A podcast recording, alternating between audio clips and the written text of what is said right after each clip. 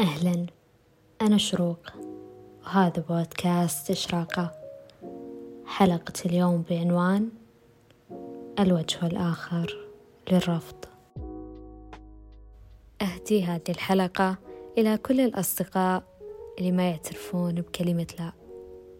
اللطفاء في حديثهم المؤثرون على أنفسهم والمتفانون جدا للآخرين.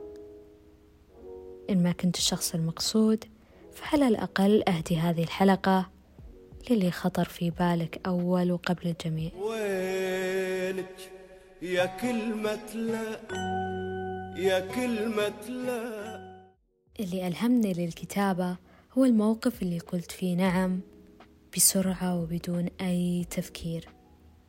وفي لحظة إدراك تساءلت بيني وبين نفسي ليش ما قلت لا؟ ليش ما رفضت وقتها؟ بالأصح استصعبت وقتها الرفض وكأن كلمة لا كلمة سلبية في معناها. ممكن تحطني بموقف ما أتمنى أخوض فيه. إذا كنت عايشت موقف مشابه باختلاف تفاصيله فتأكد أنك مو الوحيد. ممكن يكون اللطف ومد يد العون صفة نبيلة ومحبوبة بظاهرها. لكن سؤالي هو ليش نستثقل الرفض بالرغم من ضرورته أحيانا؟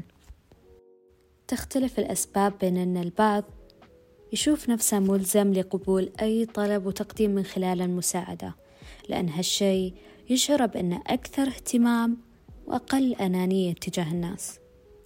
بينما البعض الآخر قد يكون دافعه هو الخوف من مواجهة الانتقادات وضياع الفرص أو حتى مخاطرته بعلاقاته. واللي فيها يجازف بنفسه بقول نعم قبل أن يفكر حتى إن كانت هذه رغبته الحقيقية أو لا. يقول باولو كويلو عندما تقول نعم للآخرين تأكد من أنك لا تقول لا لنفسك.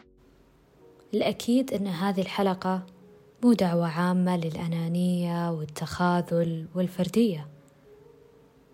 لكن تأكد أن برفضك في بعض الحالات ممكن يكون حماية لك.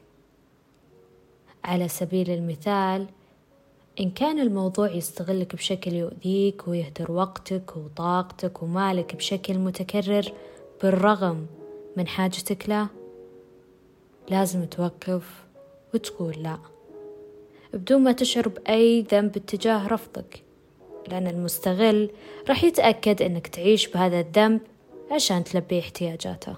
إذا عرفت كيف ومتى تقول لا هالشي يخليك المتحكم الأول في حياتك مو الآخرين. يحفظ لك وقتك وطاقتك ومالك عشان تبني نفسك بدال ما تضيع على أمور أنت بالحقيقة مو مقتنع فيها. ختاما. تأكد أن بقولك نعم دائما.